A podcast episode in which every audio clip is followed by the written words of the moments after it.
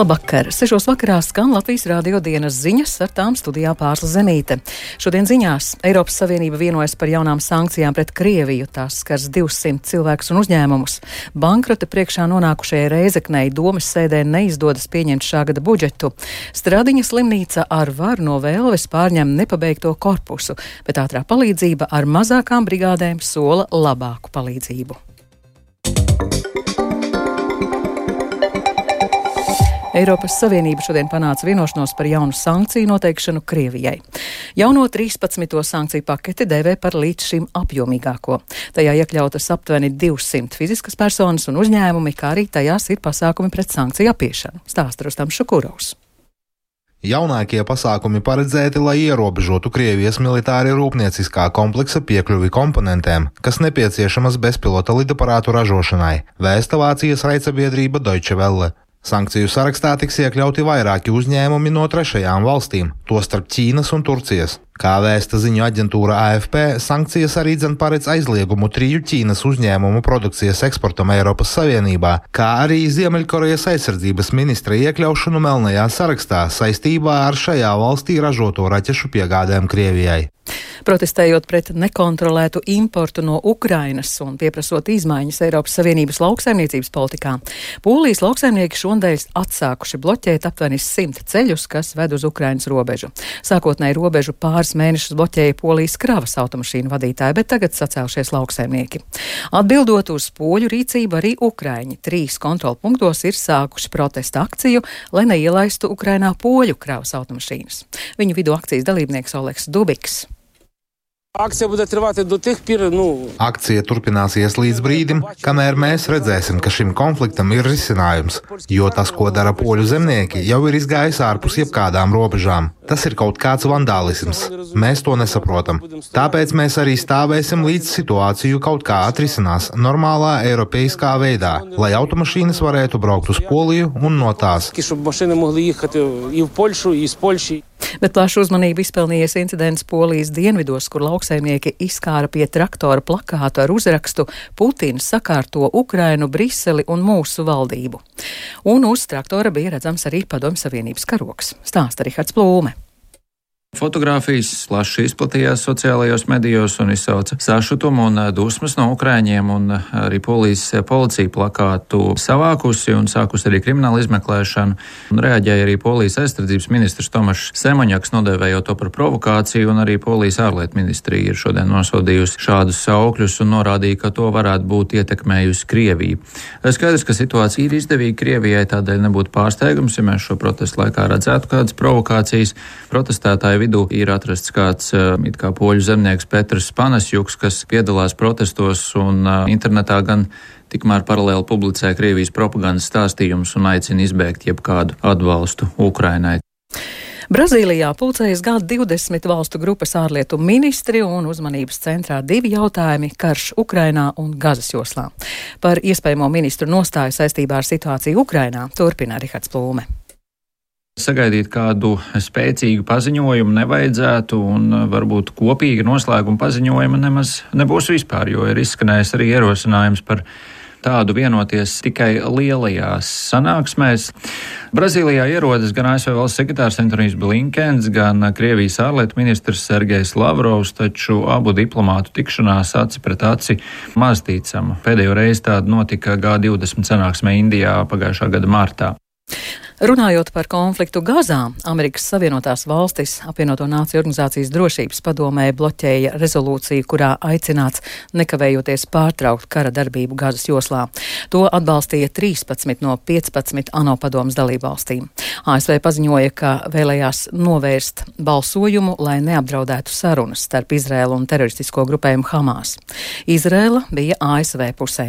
Turpina Izraels vēstnieks apvienoto nāciju organizācijā Gilans Erdants.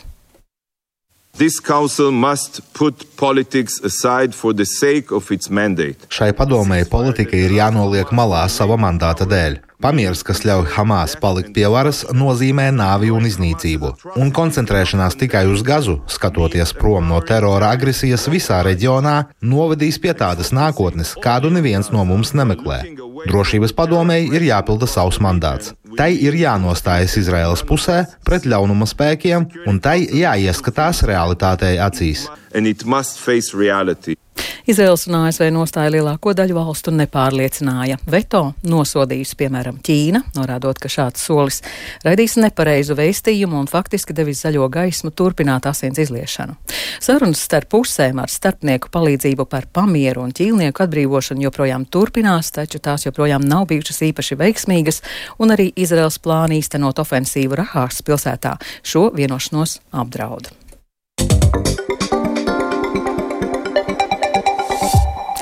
Jaunas finanšu grūtības draud bankrota priekšā nonākušajai Rēzeknes domai. Deputātu balsu trūkuma dēļ šodienas domas sēdē netika iekļauts papildu jautājums par ilgi gatavotā šā gada budžeta apstiprināšanu. Tādējādi Rēzekne ir vienīgā Latvijā, kas nav izpildījusi prasību par budžeta apstiprināšanu līdz šodienai. Rēzeknes gadījumā tas var nozīmēt arī to, ka pašvaldība nesaņems valsts solīto 5 miljonu eiro aizdevumu, lai stabilizētu pilsētas finanšu situāciju. Turpina vicemērs Aleks. Aleksejs Stets no partijas kopā Latvijai. Deputāti izteica savu redzējumu. Jā, mēs strādāsim bez budžeta. Tas ir skaidrs. Jā, mēs būsim vienīgie pašvaldība. Tas arī ir skaidrs. Bet nu, mums ir tāda pozīcija. Tas lēmums jau bija pirmdien, kad izskatīšanai bija piedāvāts optimizācijas plāns, kurš bija arī noraidīts. Ja izpildu aparāta lēmumus neatbalsta politiskā vara, tas ir savā ziņā arī politiskā krīze. Mēs uzskatām, ka šī gadījumā jābūt lielākai iesaistē no valsts puses. Un Finanšu ministrija jau ir paziņojusi, ka līdz šodienai nepieņemot budžetu, Rēzaknes doma nesaņems ministrijas solīto 5 miljonu eiro aizdevumu, lai stabilizētu pilsētas finanšu situāciju. Tāpat valsts kase apturēs visu Rēzaknes ņemto kredītu izmaksas pašvaldībai. Pašvaldību lietu ministrijai būs jāvērtē domas rīcības spēja. Vairāku Latgales pašvaldību un skolu vadītājs sāk gatavoties protestam, lai apturētu izglītības un zinātnes ministrijas plānoto skolu tīkla optimizāciju. Daudzas ministrijas iecerētās skolu reformas esot neloģiskas. Augstdaugavas novada domas izpildu direktors Pēteris Dzalbe kā piemēru min divu dažādos Daugavas krastos esošu skolu apvienošanu. Atbildīgie speciālisti, kuri atbrauca un savienoja Salienas vidusskolu ar Naujienes pamatskolu, saskaitot bērnus kopā, neieraudzīja, ka Daugavai nav tilta.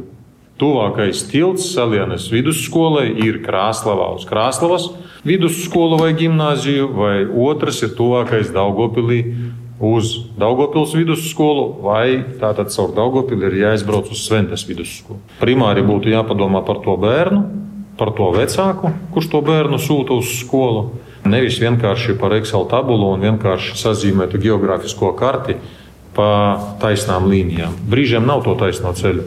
Brīžiem ir tā, ka, ja skolu aiztaisa, tad pavisam nav ceļa, pa kuru vēst. Un iespējams risinājums šai situācijai tiks rasts premjerministrs Eviks Siliņas no jaunās vienotības izveidotajā piecu ministriju darba grupā, ar kuru šodien tiekas Latgales pašvaldību un izglītības pārvalžu vadītāji. Rīt sarunas turpināsies ar Kurzemes un Zemgales reģionu pašvaldībām. Pēc vairāku stundu sarunām un policijas iesaistes Stradiņa slimnīca no Vēlves pārņēmusi nepabeigto jauno korpusu. Slimnīca pirms nedēļas vienpusēji lauza līgumu ar Vēlvi, jo būvnieks neievēroja būvniecības termiņus, būvobjektā tika konstatēti būtiski defekti, objektā notikusi nesaskaņotu apakšu uzņēmēju nodarbināšana un citi pārkāpumi. Savukārt šodien, īsi pēc būvobjekta nodošanas piespiedu kārtā, Vēlvis pārstāvja norādīja, ka būvnieki fiziski no objekta izvākšoties nedēļas laikā, bet uzņēmums gatavs gatavs vērsties arī tiesā saistībā ar līgumu laušanu. Turpina Sintīna Ambote. Atējām malā vienkārši vārds ir vaļā. Pauli Stradiņa Kliniskās universitātes slimnīcas pārstāvi kopš agra rīta centās pārņemt nepabeigto jauno A2 korpusu no būvkompānijas Velve, kur objektā nelaida projektu pasūtītāju. Pie būvobjekta vārtiem pulcējās arī būvnieki, kā arī šīm sarunām līdzi sekoja policijas darbinieki, lai nodrošinātu sabiedrisko kārtību. Pēc ilgstošām diskusijām un policijas klātbūtnes spiediena slimnīcas pārstāvi tomēr tika ielaisti jaunbūvas teritorijā. Rezultātā tāpat kā līguma laušana, arī būvlaukuma pārņemšana notikusi vienpusēji no slimnīcas baznīcas puses. Savukārt būvfirmas Velva pārstāvis Kārlis Misiņš norāda, ka uzņēmums gatavs vērsties arī tiesā, jo līguma laušana joprojām uzskata par pretiesisku. Policija un, un varbūt tās arī savā ziņā sabiedrība nostājusies pasūtītāju pusē, neapzinoties tos apstākļus. Tas, kā tas šobrīd notiek, jā, ir tiešām 90. gadi. Mēs vēlamies, lai pasūtītājs samaksā mūsu apakšuzņēmēju, mūsu piegādātāju, mūsu sadarbības partneriem par viņu veikto darbu. Cik lielas summas? Summas ir uh, iesniegts mums ir vairāk kā 10 miljoni. Stradiņas slimnīcas pārstāvis Zvērnāts advokāts Beno Būtulis norāda, ka kopīgi ar būvniekiem šodien vēl tiek apsakots jaunais korpus, lai novērtētu paveiktos darbus un arī fiksētu visu tur esošo būvnieku mantu. Taču, ja būvnieks uz apsakošanu neieradīsies, tad stāvoklis tiks fiksēts kopā ar tiesu izpildītāju. Savukārt rīt būvobjektu apsakos arī Būvniecības valsts kontrolas biroja pārstāvi, pēc kā slimnīca cer atsākt neatliekamos darbus. Jauno Stradiņas slimnīcas korpusa būvniekam Sijā Vēlve beidzēja pabeigt pabeigta pērn pavasarī, bet termiņš jau vairāk kārt pārcelts un līguma cena pieaugusi par 16 miljoniem eiro. Līdz šim izbūvēta vien nepilni 60% paredzētā būvapjoma un darbu kavēšanās dēļ valsts zaudējusi ap 26 miljonus eiro Eiropas Savienības finansējuma. Sinti Ambote, Latvijas radio. Neatliekamās medicīniskās palīdzības dienas saņēmis 47 jaunus operatīvos transporta līdzekļus, kas speciāli radīti, lai brigādē trīs cilvēku vietā varētu strādāt divi. Tas nozīmē, ka mainās nevien brigāžu sastāvs, bet tiek arī uzlabotas personāla zināšanas. Pats svarīgākais ir ierašanās laiks un palīdzība, ko mediķis sniedz pirmajās minūtēs. To arī nodrošina jaunie auto, kas ir gan kompaktāki, gan arī jaudīgāki, tā atzīst operatīvā medicīniskā transporta līdzekļu vadītājs Normons Nurks. Savukārt certificēta ārsta palīdze Liena Plēsuma uzsver, ka nozīmīgs ir nevis cilvēku skaits brigādē, bet gan viņu zināšanas. Kvantitāte nozīmē kvalitāti. Ja ir kompetence, tad arī principā pietiek, bet vienmēr ir tā, ka var pasaukt palīgā. Mums tomēr ir ārsts speciālisti brigādi. Mēs varam lūgt mūsu operatīviem vadības centram arī piesaistīt citu brigādi, bet lūgt palīdzību, ja nepieciešams ir nonest smagu pacientu vai kaut kā tam līdzīga. Arī glābējs var izsaukt palīgā. Pacients iegūst, ka mēs ātrāk varam viņam glābt dzīvību, ja tas ir nepieciešams to, ka mēs esam mobilāki ar aprīkojumu, viņš ir vieglāks, viņš ir kompaktāks. Mēs varam vienlaicīgi augšā uznest gan plaušu augšu ventilāciju, gan skābekļa balonu, gan defibrilatoru. Lielo visu aprīkojumu augšā uznest nevar. Bet šajā gadījumā mēs varam visu, jo nekad tu nezini, kādā stāvoklī ir pacients, un nevienmēr ir tās dārgās minūtes, ko skriet pakaļ uz mašīnu pēc aprīkojuma. Darbs divu speciālistu brigādēs neatliekamās medicīniskās palīdzības dienestam ir ļāvis izveidot sešas papildu brigādes un deviņus jaunus brigāžu punktus tajās Latvijas vietās, kur nokļūšana izsaukuma vietā līdz šim ir bijusi sarežģīta. Arī nākotnē dienas saredz iespēju šādi palielināt ikdienā dežūrējošo brigāžu skaitu. Bet Labklājības ministrija rosinās nākamgad palielināt bērna piedzimšanas, bērna kopšanas un ģimenes valsts pabalstu. Budžetā tas prasītu 35 līdz 41 miljonu eiro. Kā izmaiņas izdosies īstenot nākamā gada valsts budžetā pagaidām gan nevar prognozēt, taču demogrāfijas jautājumus aicinās iekļaut valdības galveno prioritāšu lokā. Labklājības ministrijas parlamentārais sekretārs Reinis Uzvalnieks norāda, ka demogrāfijas jautājumu blokā pabalstu palielināšana ir tikai viens no elementiem pabalstu pārskatīšana tikai daļa no visa kopējā demogrāfijas plāna, jo svarīgi, protams, ir bērnam nodrošināt pirmskolas izglītību, mājokļu jautājumus, veselību, dažādas atvieglojumus. Mums noteikti tēva loma ģimenē jāstiprina. Tas plāns, kāds uz priekšu ir plānots, iesaistīt visas 14 ministrijas. Pabalsts ir tikai viens no mehānismiem, kā uzlabot attiecīgi iespējams demogrāfiju. Ir paredzēts, ka nozaru ministrija šo plānu kopā ar nevalstisku organizāciju pārstāvjiem sagatavos līdz jūlijam. Un vēl par sportu. Latvijas tenisiste Ļona Stapenko arī šodien izstājās Dubajas tūkstošu punktu sērijas astotdai finālā. Sezonu iesākus ļoti veiksmīgi. Gada sākumā viņa izcīnīja panākumu Adelaidā, bet pēc mēneša pie titula tika arī Līncas turnīrā. Pasaules rangā Stapenko atgriezusies top 10 sportistu vidū, ierindojoties 9. pozīcijā. Podkāstā Insider tenisiste dalījās iespaidos par veiksmīgos sezonas sākumu. Šīs sezonas sākums izvērties ļoti pozitīvs. Es nebiju ko tādu gaidījusi. Tas ir ļoti patīkami. Protams, es ieguldīju lielu darbu pirms sezonā un strādāju pie daudz niansēm.